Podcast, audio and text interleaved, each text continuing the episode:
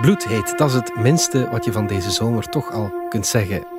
Waar temperaturen van 40 graden vroeger iets voor het zuiden van Spanje waren, zie je die nu ook bij ons. We gaan met z'n allen op zoek naar verkoeling en houden onze ramen en deuren angstvallig dicht. De airconditioning die draait op volle toeren.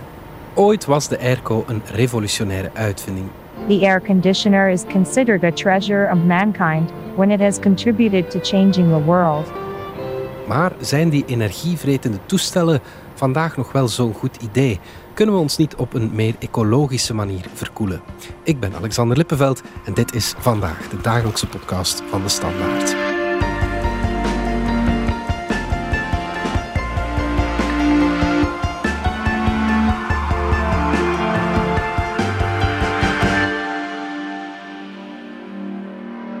Connie Put van onze podcastredactie. Jij bent voor ons in dat airco-verhaal gedoken. Hou je het zelf uh, een beetje cool? uh, ja, ik vlucht naar de redactie van De Standaard. Uh, dat doe ik zeker. Waarom? Het is hier zalig qua temperatuur. Ja, het is waar. Um, het is behoorlijk ideaal hier. En allicht vanwege een ingenieus airco-systeem, uiteraard, ja. vermoed ik. Ja, ik heb me ooit laten vertellen dat dat hier in het plafond zit. dus okay. voilà, daar, daar is het te ja, vinden. Ja, het is niet te koud, niet te warm. Het is perfect hier. Nu, thuis doen we dat eigenlijk gewoon met twee grote bomen, twee grote platanen, die intussen gelukkig, in het begin niet, maar nu wel, nu ze groot genoeg zijn, voor uh, voldoende koel te zorgen. Dus ja. dat valt wel mee. Ja, absoluut. Goed. Hoe belangrijk is uh, koelte en verkoeling eigenlijk voor ons? Eigenlijk uh, weten we allemaal dat we uh, koelte en verkoeling nodig hebben, al is het maar om dingen te bewaren. Dat is uh, superbelangrijk. denk maar aan ons voedsel, maar ook eigenlijk wel bepaalde medicijnen. Hè? De vaccins zijn daar denk ik het beste voorbeeld van. Ja, die coronavaccins. Klopt, dat, ja, ja, ja, zeker. Treinen doen soms ook moeilijk als het te heet is, hebben we gemerkt. elektronica, daarvoor is het best ook niet te heet. Denk ook maar aan onze dierbaren die overleden zijn. Hè? Die moeten we ook verkoelen en koel houden. Dus voor het bewaren en uh, voor ons leven sowieso is verkoeling en koelte bijzonder belangrijk. Maar eigenlijk gaan we stilaan naar het is bijna essentieel om te kunnen overleven. Hè? Zeker in andere delen van de wereld. Maar ja, bij ons toch ook niet onbelangrijk. Waarom? Omdat als de luchttemperatuur hoger is dan onze lichaamstemperatuur, dan gaan we wel zweten, maar we gaan uh, eigenlijk bijna niet meer afkoelen ja. door dat zweten. Ja. En uh, zeker niet als die lucht dan ook nog eens vochtig is, zoals in vele delen van de wereld, in Aziatische landen bijvoorbeeld, dan uh, ja, komt ons lichaam in de problemen. Ja, de gevolgen daarvan ja, die zijn uh, niet echt fraai natuurlijk. Nee, absoluut niet, Alexander. Die zijn zeker niet fraai. Hè. Denk maar aan uh, ja, eerst en vooral de gezondheid uiteraard. Hè. Uh, mensen met astma zijn sowieso al kortademig als het te heet is, maar die kortademigheid kan zeker toenemen door oververhitting, door hittestress. Er zijn hitteberoertes hè. en zelfs overlijdens. Ja, ja, ja. Dat is één zaak, de gezondheid. Uh, wat, wat uit studies ook zou blijken, is dat mensen gewoon minder actief worden. En we voelen dat eigenlijk ook wel een beetje natuurlijk als het te heet is. Ja. Op de werkvloer. En dat zou blijkbaar ook een serieuze economische kost tot gevolg hebben. Ja. En ja, natuurlijk, in landen als India en Pakistan en zo, dan heb je daar stroomuitval, watertekort, vele doden. Allemaal door die ja, hele warme wereld waarin we leven, zeg maar. Ja, dus dan wordt uh, koelte natuurlijk uh, levensnoodzakelijk als het uh, richting de 40 graden gaat. Hè. Echo, echo, echo, echo, echo, echo, echo, echo. Is het dan onmisbaar in grote delen van de wereld, zou je kunnen zeggen? Oh, ja, eigenlijk wel. Mm-hmm. Eigenlijk is het stilaan volledig onmisbaar aan het worden. En um, het contradictorische is dat ja, op het eerste gezicht is het zo dat als we airco gaan aanzetten, Mhm. dat dat ons inderdaad koelt en dat onze kamers daardoor ook een stukje koeler worden. Maar helaas warmt airco ook op. Ja. En dus de warmte die in die kamer zit, die moet ergens naartoe. En met airco-systemen gaat die warmte naar buiten, wordt die naar buiten geblazen. Mhm. En we zien of voelen al dat het daar zo warm is. Dus dat betekent dat daar waar grote concentraties van airco's zijn, zoals in steden, in onze steden, Ja. of zoals in plekken waar heel veel mensen samenzitten, ja, daar wordt het dan nog eens extra opgewarmd, terwijl het er eigenlijk al zo warm is. En dan krijg je van die hitte-eilanden. Ja, ja, ja, inderdaad. Je had daarover een gesprek met Jonas Lembrechts, ecoloog van de Universiteit Antwerpen. Het hitte-eiland-effect is eigenlijk heel het jaar aanwezig, zij niet altijd evenveel. En dat is het idee dat onze stad warmer is dan het omliggende platteland. De belangrijkste factor daarbij is eigenlijk de verharding.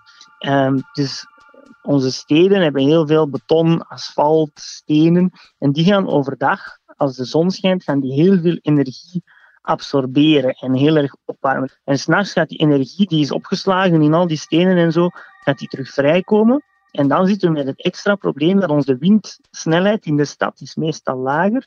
En dus die warme lucht, die gaat eigenlijk blijven hangen in de stad. En echt als een deken op de stad blijven liggen. En dan zien we bij airco's, nu hier, uw kamer gaat die afkoelen, maar buiten uw kamer gaat die opwarmen en dus die gaat die warmte eigenlijk verplaatsen, eerder dan doen verdwijnen.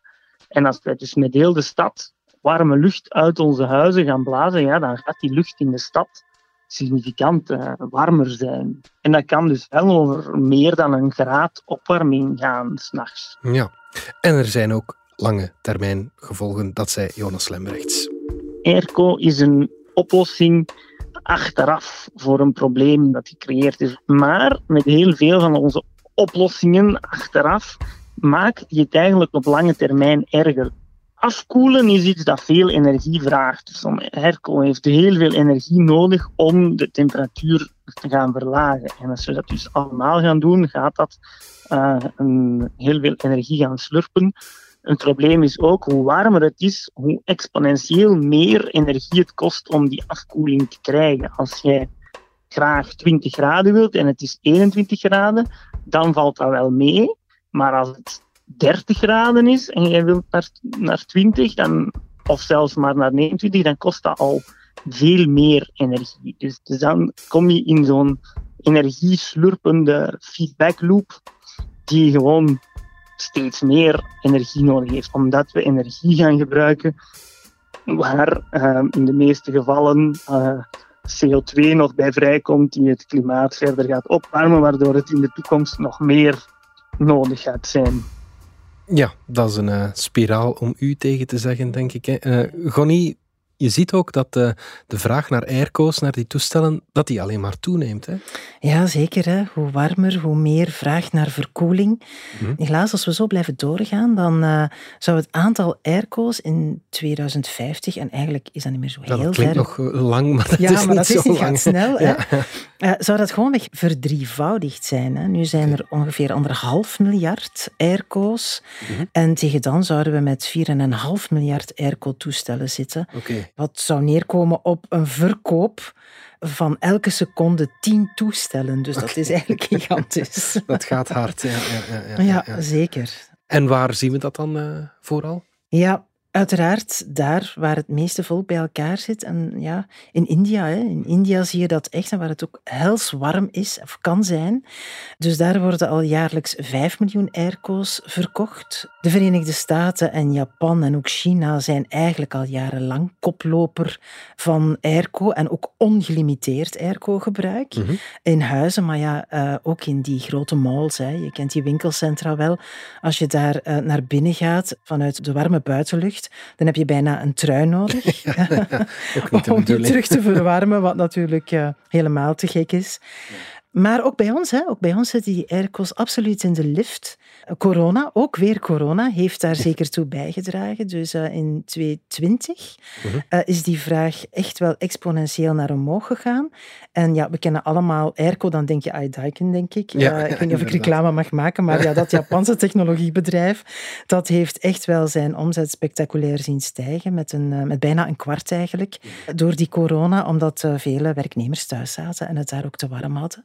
Dus dat zeker, maar ook de verkoop van mobiele airco-toestellen is gestegen. Als we dat allemaal horen, dan kunnen we daar maar één conclusie uittrekken. Al die energievretende airco's, die verwarmen de planeet in een snel tempo mee op. Ja.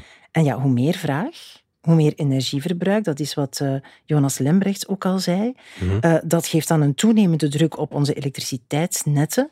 En een stijging van zowel lokale als wereldwijde uitstoot van die broeikasgassen. Ja. It's too darn hot. It's too darn hot. I'd like to cool with my baby tonight. Zijn overheden zich uh, voldoende bewust van het energievretend karakter van airco's en de klimaatgevolgen? Proberen ze daar iets aan te doen? Ja, goh, hier bij ons niet, bij mijn weten. Hè. Mhm. Ze lijken eigenlijk hier toch wel nog onvoldoende te beseffen dat we ons echt wel moeten gaan verdedigen tegen die hitte. En we doen dat vooral tegen de koude, maar niet zozeer tegen de hitte.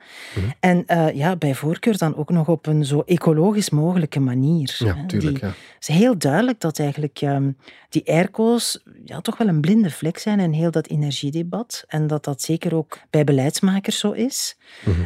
Misschien moeten we samen nog eens luisteren naar wat ecoloog Jonas Lembrechts daarover kwijt wou. Enerzijds in die richting van energiegebruik, door dat te koppelen aan groene stroom. Ja, we hebben hem nodig als er veel zonne-energie is. Dus zonnepanelen zijn een logische bron van energie om die airco's gaande te houden. Natuurlijk heb je dan nog altijd die warme lucht die wordt uitgestoten. Dus dat probleem ga je met groene stroom niet oplossen. En dat is ook iets, ja, dat is pure fysica. Wilt je lucht koud krijgen, dan moet je ja, lucht buiten warm maken. Dus daar weet ik niet of dat daar een, een efficiëntere oplossing voor is. Ja, meer inzetten op groen en open ruimtes, waardoor dat die koeling komt. Ja, het is vooral bijvoorbeeld dingen als stenen, parkeerwoestijnen is dat dan. Hè, dat je echt heel vlaktes verharding hebt.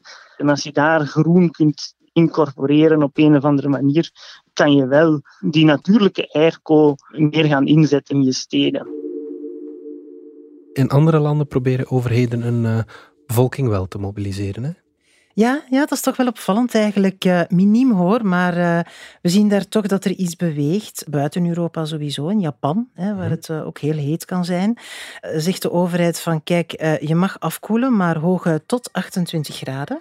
Ja. Dus ja, dat is nog altijd uh, stevig warm, maar toch. En heel grappig vind ik, maar het strijkijzer mag daar ook in de kast blijven. Okay. dat zou ook energie vreten. Dus ja. ze gaan daar verder dan alleen maar airco-maatregelen. Ja, Jonas heeft het ook al gezegd. Hè. Dus een kamer laten afkoelen tot 18 graden, dat verbruikt natuurlijk een stuk meer hm. dan een kamer laten afkoelen tot 25 of tot 28 graden. Dus vandaar die aanbevelingen. Maar ook hier bij ons in Europa zien we dat. Hè, dat er aandacht is voor die nefaste gevolgen van airco. Hm. De Duitse regering bijvoorbeeld, die roept haar bevolking op om de airco zeker niet op de koudste stand te zetten. Hm.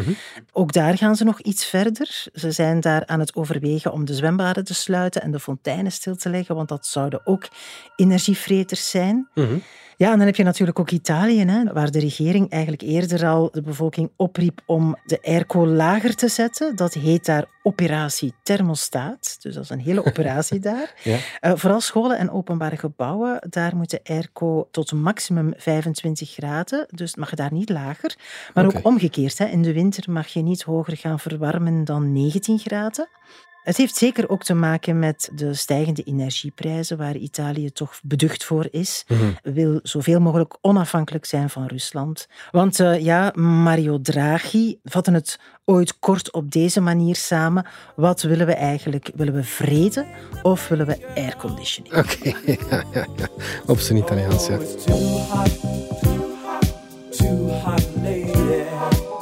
Gotta run for shelter, gotta run. Hoe warm mag het nu eigenlijk zijn om nog behoorlijk te kunnen functioneren, Connie?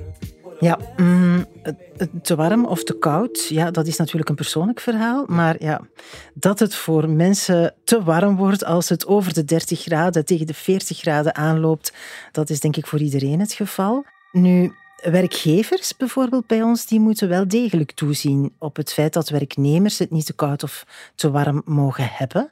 En hier hangt het uiteraard af van het soort arbeid hè, dat je verricht. Dus als je heel lichtwerk doet, zoals jij en ik vermoed ik. eh, Eigenlijk wel fysiek licht. Eh, Laten we het ons daarop houden. Absoluut, absoluut. Fysiek licht.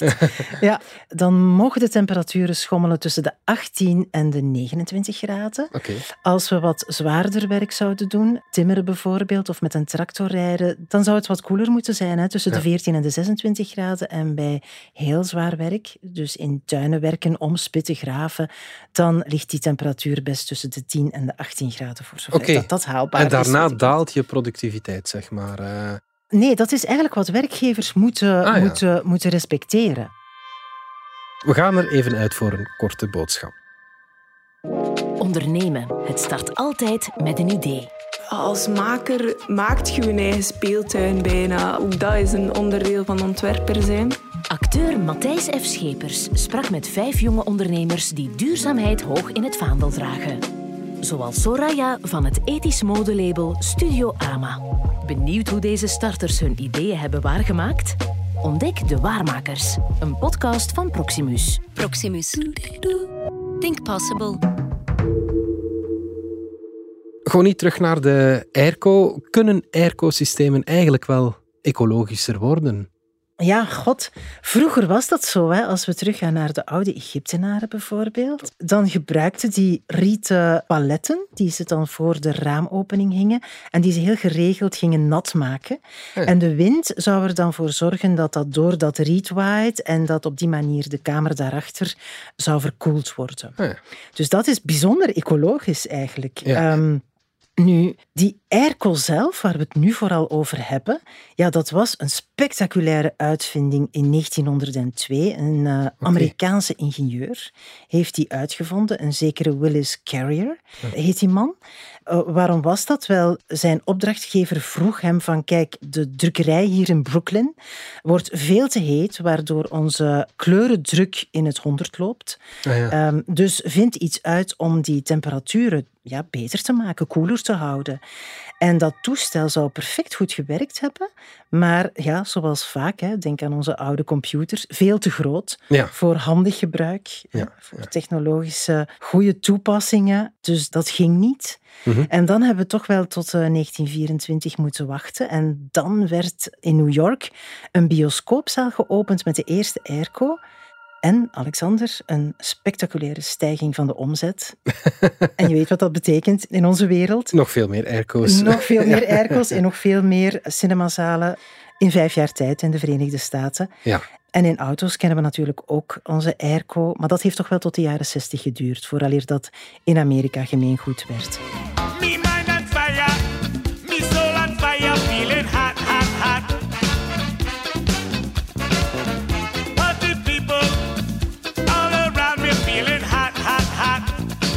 En zag het systeem er toen al uit zoals nu ongeveer? De, de, werking erachter, zeg maar? Ja, eigenlijk wel. Er is niet zo heel erg veel veranderd aan het systeem zelf. Toen werkte het al als een ijskast en vandaag nog altijd. Dus koud van binnen mm, met die warmte die dan naar buiten gaat, waar het al zo warm is. Nu, wat wel veranderd is, zijn de koelvloeistoffen, zoals dat dan heet. Die zouden oorspronkelijk echt wel, dat zouden echte heuse broeikasgassen geweest zijn, die heel nefast waren voor het klimaat en voor de ozonlaag. Dat is stilaan wel aan het veranderen. Die zouden nu wel beter zijn.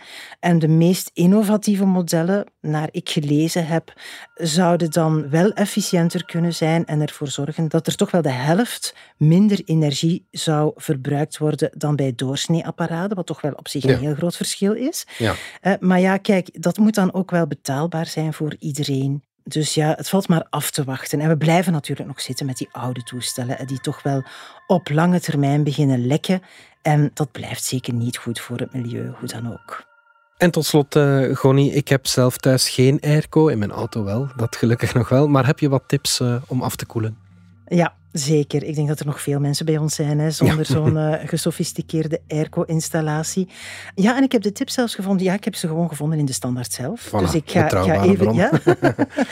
maar heel interessant, want ik deed het verkeerd, denk ik. Dus het is zeker belangrijk om je ramen en deuren dicht te houden tot het buiten koeler is. Hè? Dus dat is logisch misschien. Mhm. Ja. Maar ze dan wel open te zetten, maar wel op de juiste manier. Dus dat betekent dat je beneden best kiest voor ramen en deuren in de gevel die wind vangt. En tegelijk boven de ramen openzet die uitkomen op de gevel waar er geen wind is. Dan heb je een soort luchtstroom. Dat is wat Ja. je wil eh, bereiken. Absoluut, ja, ja, klopt. ja, ja, ja. Ja. En heb je een tuin, ja, dan is het heel goed om beneden de ramen naar de tuin of de deur naar de tuin open te zetten.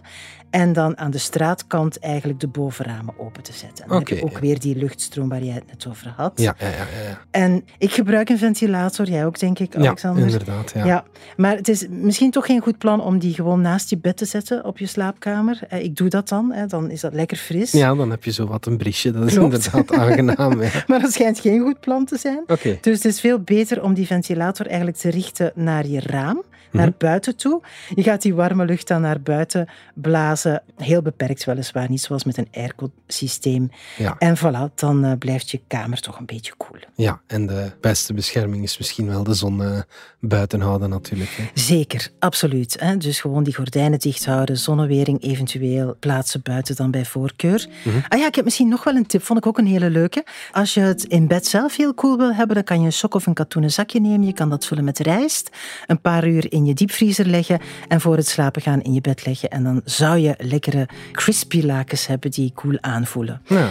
Hoe dan ook, hou in alle omstandigheden gewoon het hoofd al lekker cool. Voilà, dan geraak je al ver.